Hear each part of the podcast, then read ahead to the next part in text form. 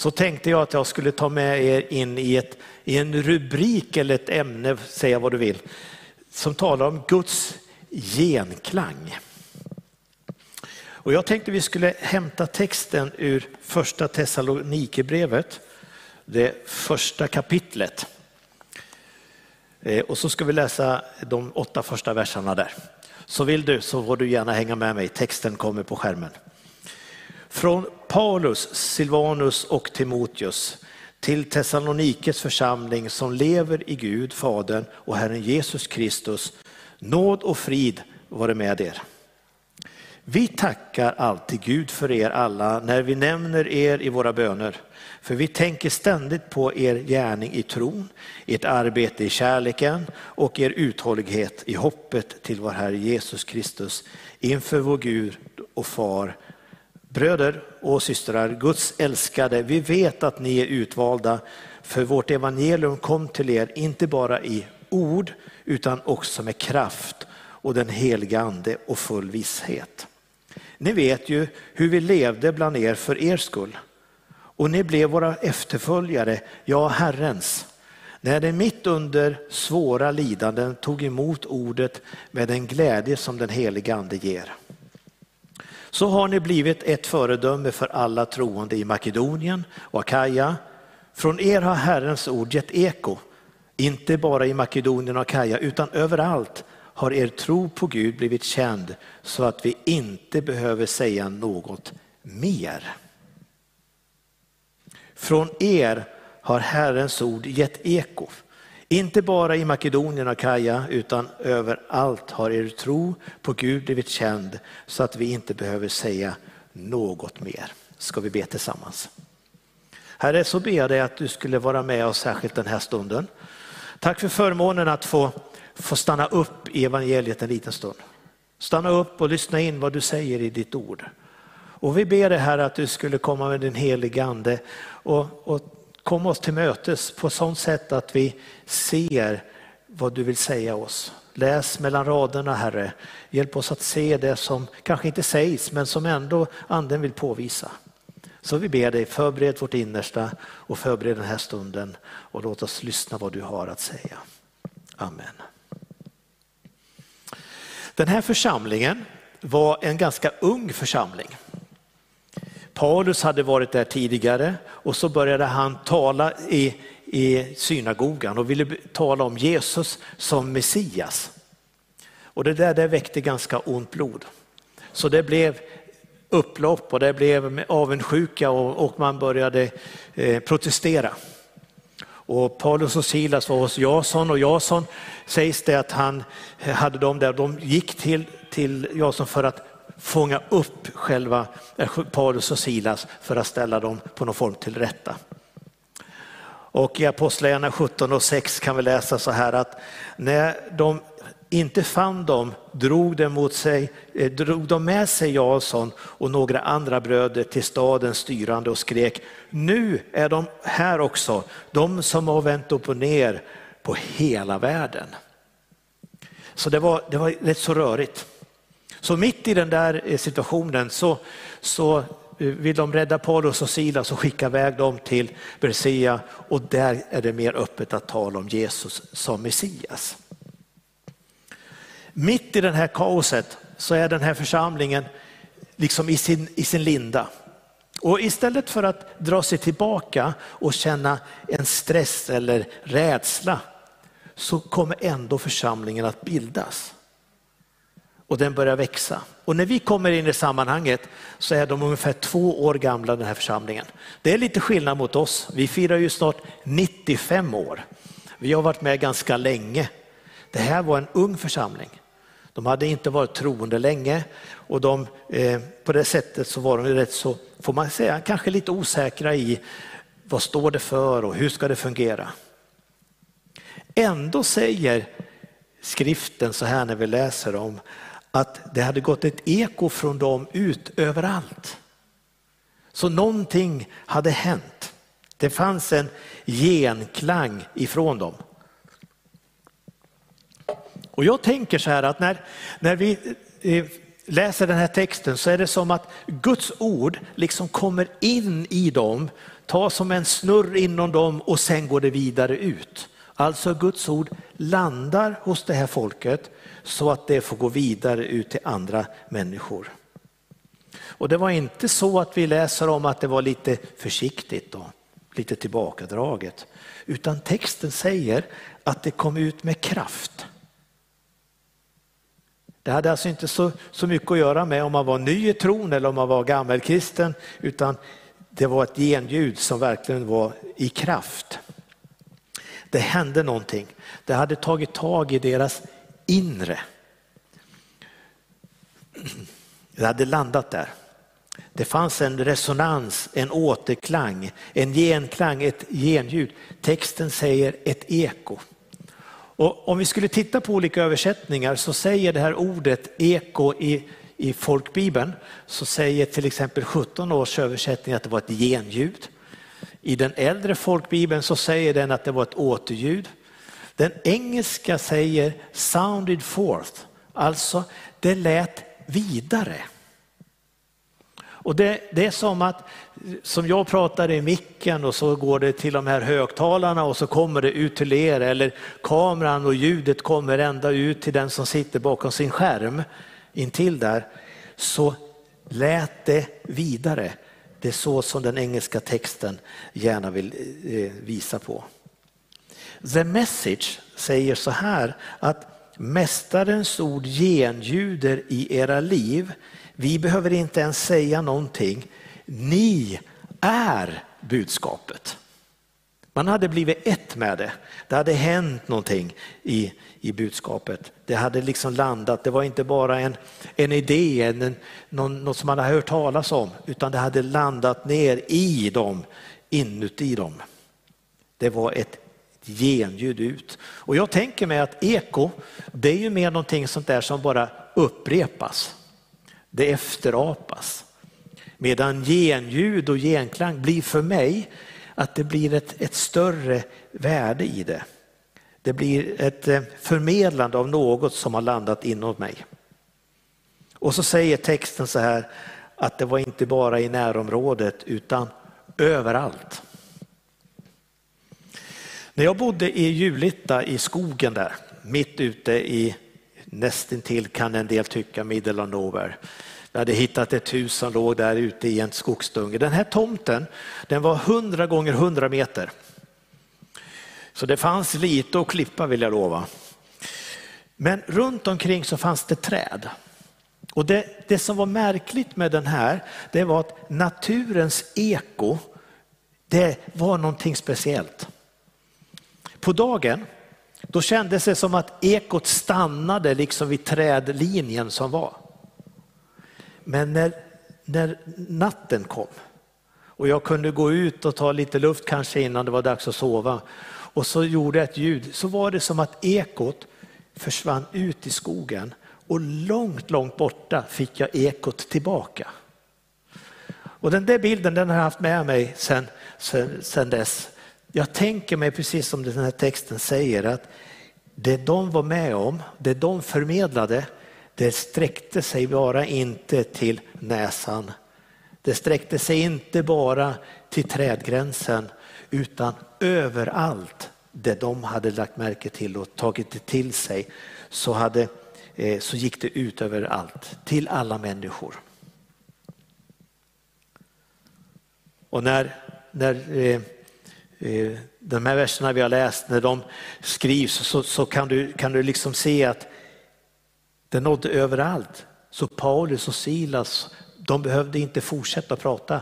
De, det sades, det, det liksom förmedlades utifrån församlingen. Det folket hade fått tag i det och den fortsatte budskapet. Och det är klart att jag tänker ibland så här, hur är det med min tro? Hur är det med vår tro? Stannar den liksom innanför eller får den ge ett genljud ut? Vad händer? Hur, hur kommer vårat att liksom, är, är vi vältaliga? Är vi som är gamla i tron, hur, hur hörs det om oss? Ibland så, så, är vi ju lite försiktiga, vi är lite Ja, lite tillbakadragna, men kanske det är så att ibland att vi kan känna oss som att oj, det är inte så där jätteenkelt. Vad var det för speciellt med den här gruppen människor? Ja, jag tror inte att de var speciellt vältaliga. Jag tror inte att de var de där hejdundrarna till predikanter. De hade inte så där jättemycket tro att vila sig tillbaka på. Två år gamla i tron så kanske man inte har läst hela Bibeln eller förstått allt sammans. Var de bättre än andra? Jag tror att det var någonting annat än bara ord, utan det var att deras tro hade blivit liv. Det hade inte att göra med andra relationer och andra kunde bättre. Utan de var de enkla som, som hade liv i tron.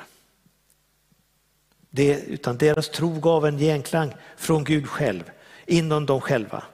De hade kanske en, ett djup, en innerlighet, en genklang, en, som inte var övertoner utan en enkel melodi om vi nu ska använda bildspråket.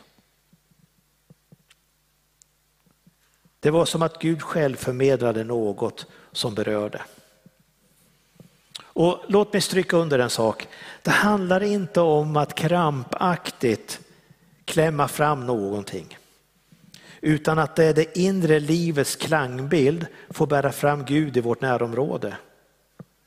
Du har någonting i dig som sipprar ut. Guds egen röst, Guds egen beröring genom dig av bara nåd som gör att människor i din omgivning känner av det. Inte genom bra teknik, inte genom bra retorik. Så slappna av. Det finns en, någonting i dig som kommer. Jag måste bara få, få ge ett litet vittnesbörd om det. Det står inte i mitt utkast men jag känner mig att det ska jag nog berätta. När jag var ung så tänkte jag så att jag ville vara som alla andra. Varför ska det vara något speciellt med mig?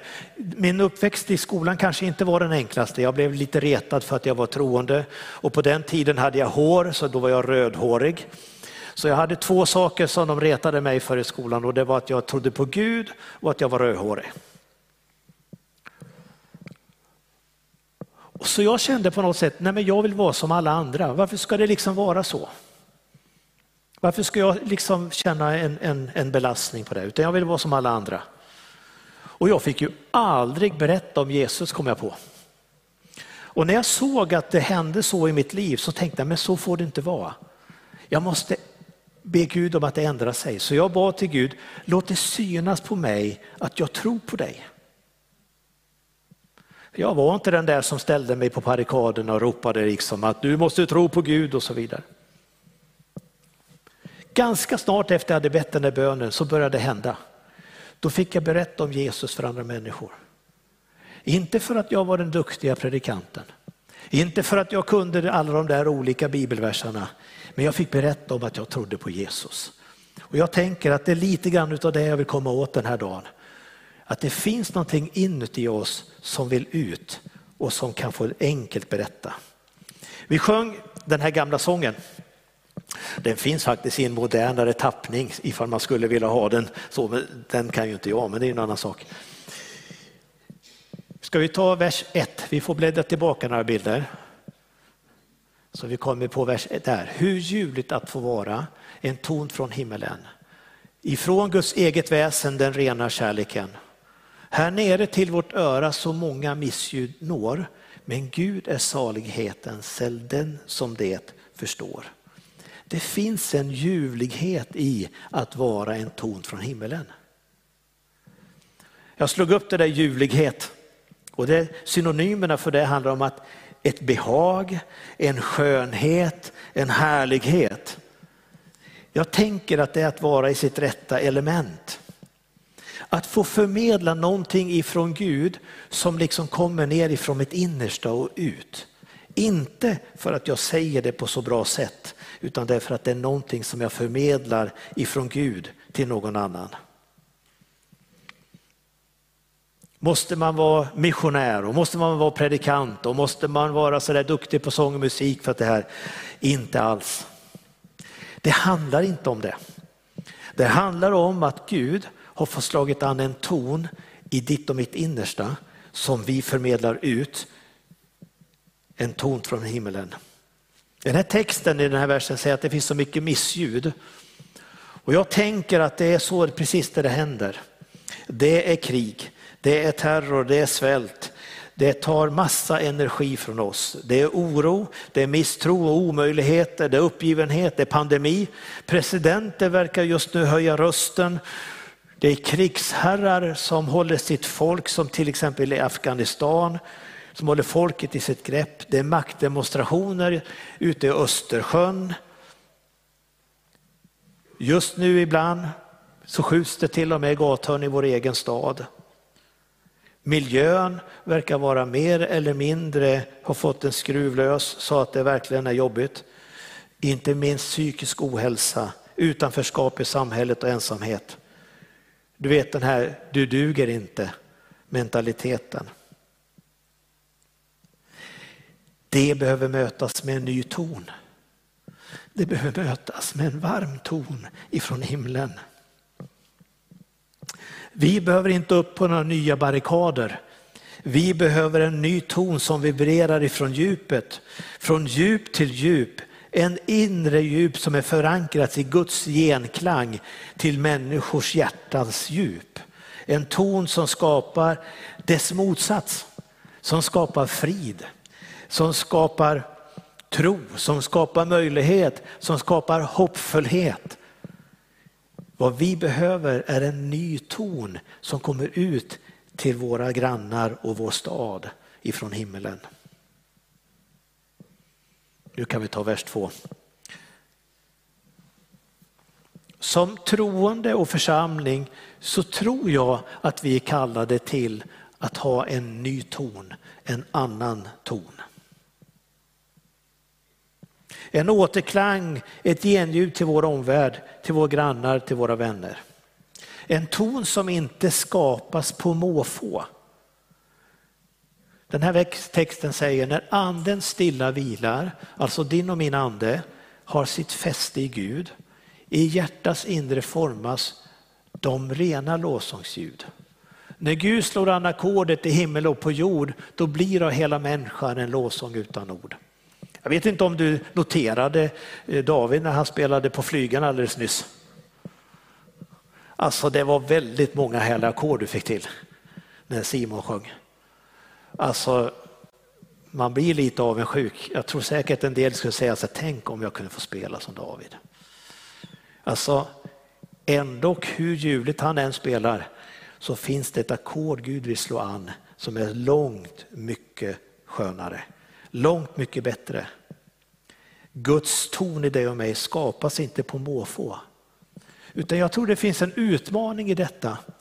Att låta sin ande vila stilla hos Gud. Så Gud får slå an ett ackord. På min gitarr där hemma så har jag en stämapparat. Så jag behöver egentligen inte tänka själv i örat hur jag ska stämma min gitarr utan jag kan liksom trycka på den och så tas det en, en ton och så kan jag liksom stämma efter den. På något sätt detsamma. Där vår ton, vårt liv, vår livston får liksom bli formad efter Guds del. Guds tanke. Som Message skrev, ni är budskapet. Ni talar inte bara om budskapet, ni är budskapet. Så blir vi en lovsång. Det finns missljud runt omkring oss. Men första versen hade en streckstrof som sa så här, men Gud är saligheten, sälj den som det förstår. Salighet är himmelsk lycka eller särskild lycka, en sällhet. Den som, in, som förstår detta kan skatta sig lycklig. Man har hittat själva grejen. Och så kommer vi till nästa vers. Men för att därtill komma, man måste vara tom. Det måste bringa tystnad i hjärtats helgedom. När Herren där vi talar, man måste vara still, att han med instrumentet får göra vad han vill. Alltså jag, jag, nu ska vi göra ett, jag ska se om det här funkar. Det här, det här gick inte så jättebra när vi höll repade vad det heter. Men det här är en stämgaffel. Och den här har tonen A. Och med den här kan man liksom använda sig och eh, få en eh, stämning. Visst hörs det bra? Är det någon som hör något? Lite grann. En del har en riktigt bra skärpa. Vi, vi gör så här istället. Då hörs det bättre. Då. Den här den behöver komma in till någonting så att det blir en resonans. I det här fallet så använder jag flygen. Du och jag ska vara den här stämgaffeln som slår an mot Gud och får den tonen som ska ut. Likadant är om vi hade nu haft en, en gitarr. Vi, nu har ju du en bas eh, och det är inte riktigt samma sak. Vi andra tycker bättre om gitarrer. Ja. Men alltså, strängen måste ju vidröras och strängen behöver få liksom en resonanslåda på något sätt. Men det måste finnas ett anslag. Och jag tänker mig att den här gitarren behöver vara en bild på oss. Jag undrar om inte vi har en bild på det? va? Eh, jag tror att vi ska, där, tack. Den kommer aldrig funka om inte någon spelar på den. Den sitter inte och spelar själv. Visserligen förr i tiden så hade vi självspelande pianon om jag inte minns fel, med någon sån här rulle inuti. Men den, den här gitarren den behöver faktiskt få någon som spelar. Likadant är det på dig och mig. Vi behöver få spelas på, i Mästarens hand.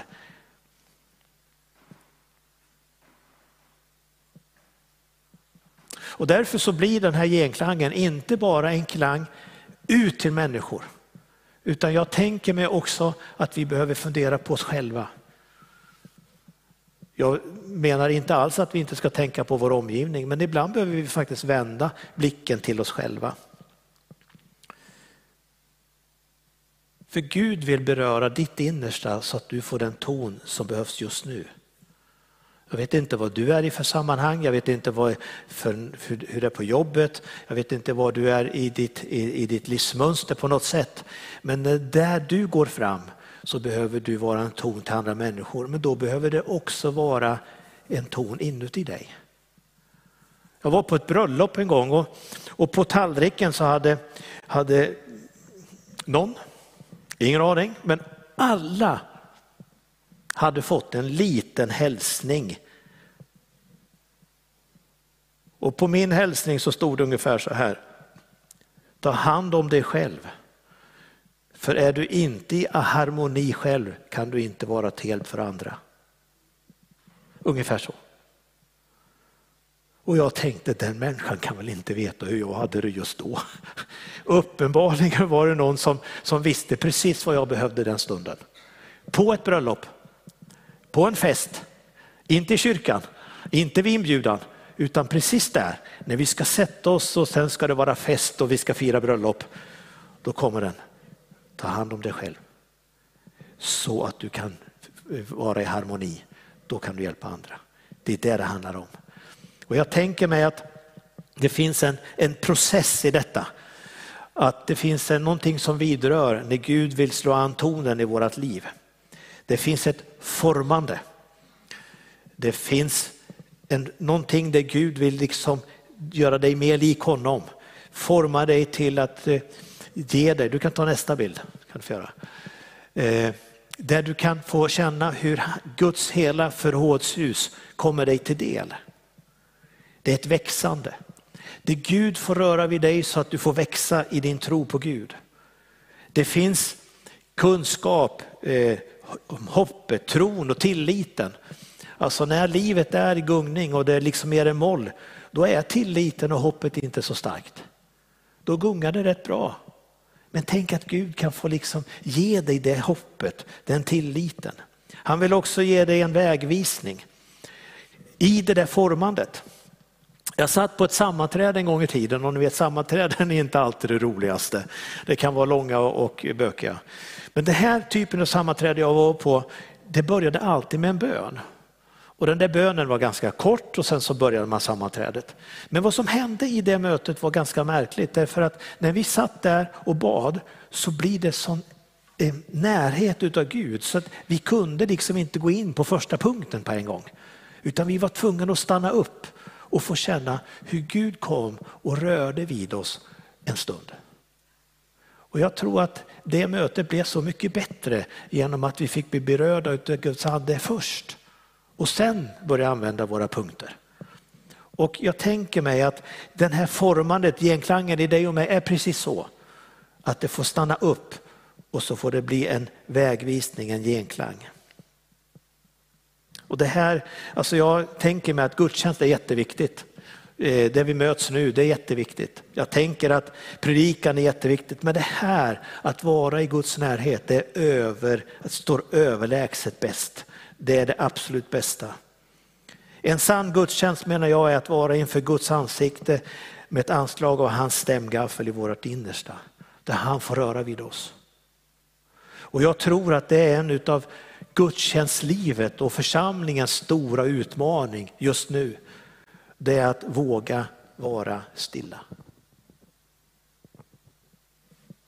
Att låta anden stanna upp och ha sitt fäste i Gud. Och låta anden börja röra.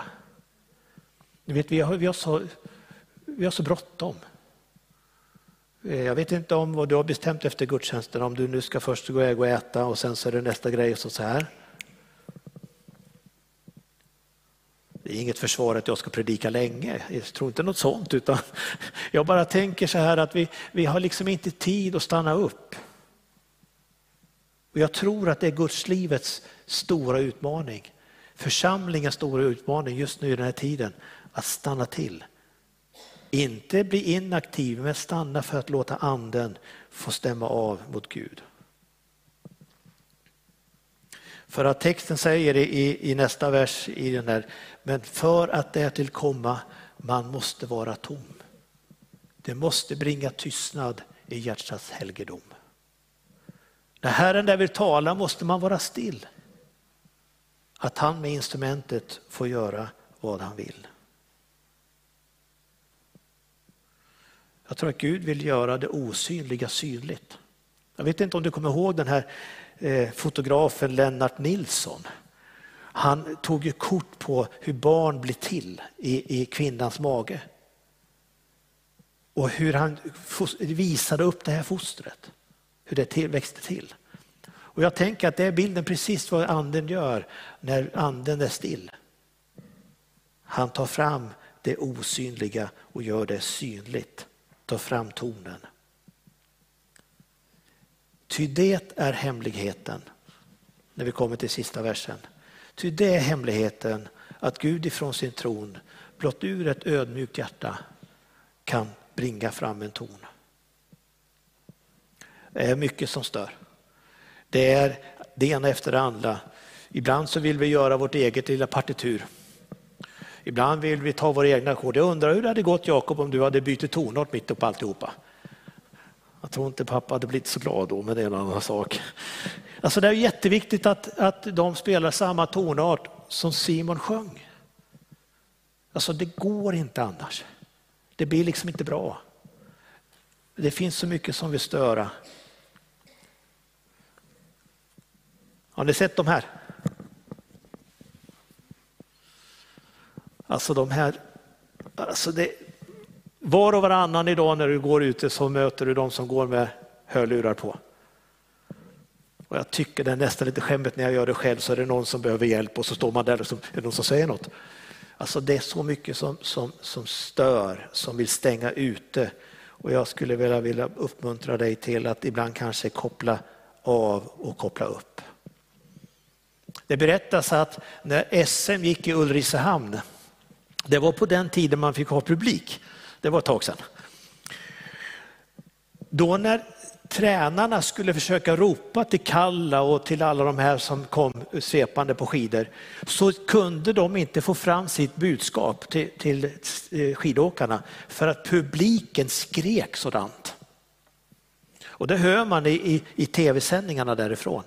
Det var så fruktansvärt ljud i backen utav publiken så man kunde inte tala om för eh, skidåkarna om de låg bra till eller dåligt till eller hur det gick. Och ibland så känns det nästan så. Jag mötte en, en, en man i, nej, i Jönköping, jag var ute och gick och så, och så så, så, så, så frågade han, du, jag ska vara på ett bröllop på Rosenlunds herrgård, vart ligger det? Ja men så jag, det kan jag leda dig till för jag ska gå förbi där nu.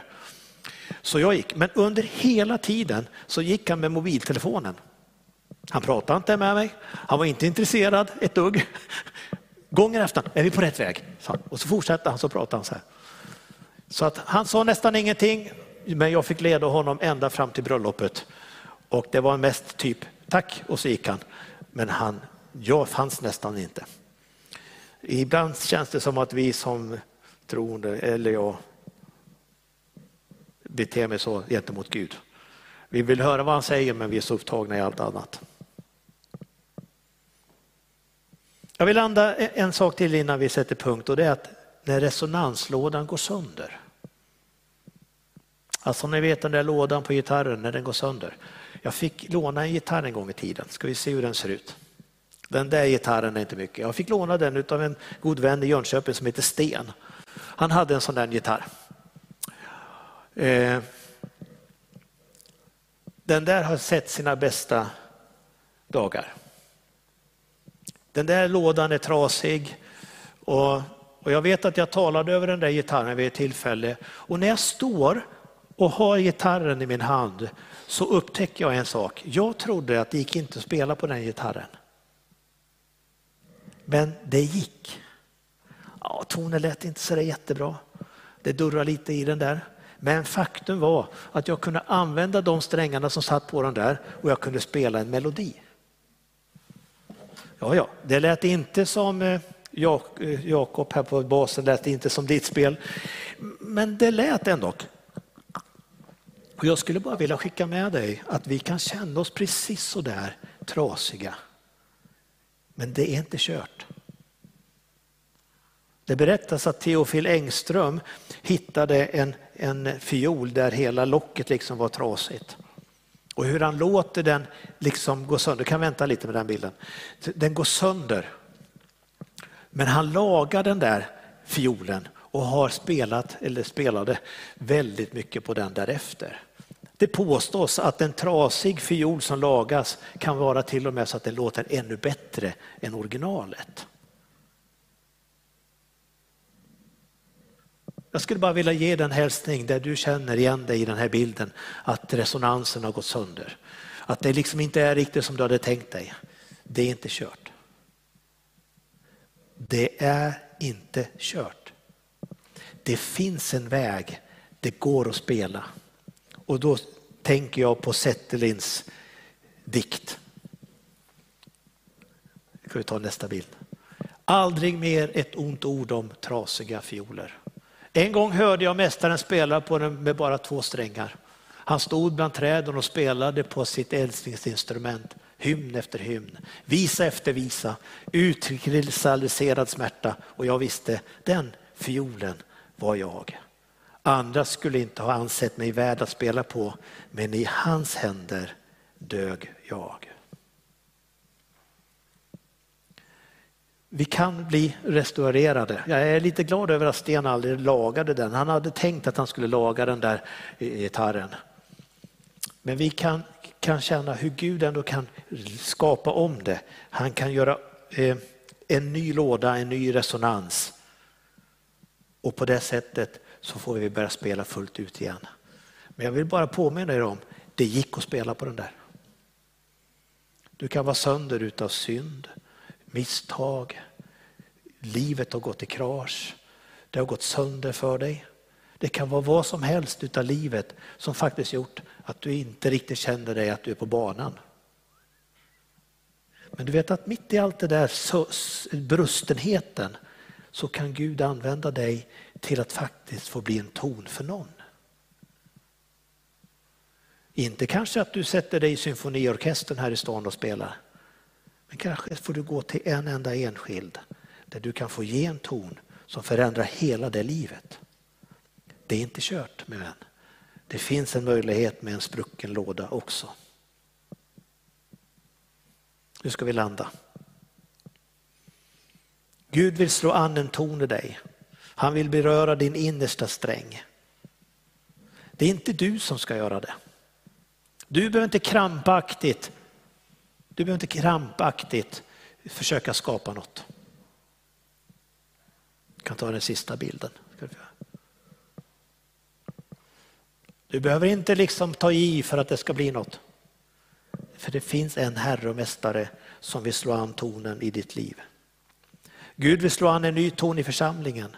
Hur stor bröstenhet vi än kan vara i vår församling, hur den kan vara, hur den kan tyckas. Vad vi än har gått igenom så vill han låta en ny ton få komma igenom i vår församling. Har din relation till Gud gått sönder? Så den där är som trasiga lådan. Så vill han inte bara renovera. Utan det kommer vara precis som den där armbrottet. Jag bröt armen en gång i tiden och jag fick berättat för mig att jag kan aldrig mer bryta armen där jag bröt just där. Tänk att Gud kan få renovera dig och du kan få lägga dig i Guds händer och så kan du få bli en ny tonbild. Ty det är hemligheten, att Gud ifrån sin tron blott ur ett ödmjukt hjärta kan bringa fram en ton. Är du ödmjuk så kommer han till och kommer skapa en ny ton i ditt liv. Amen.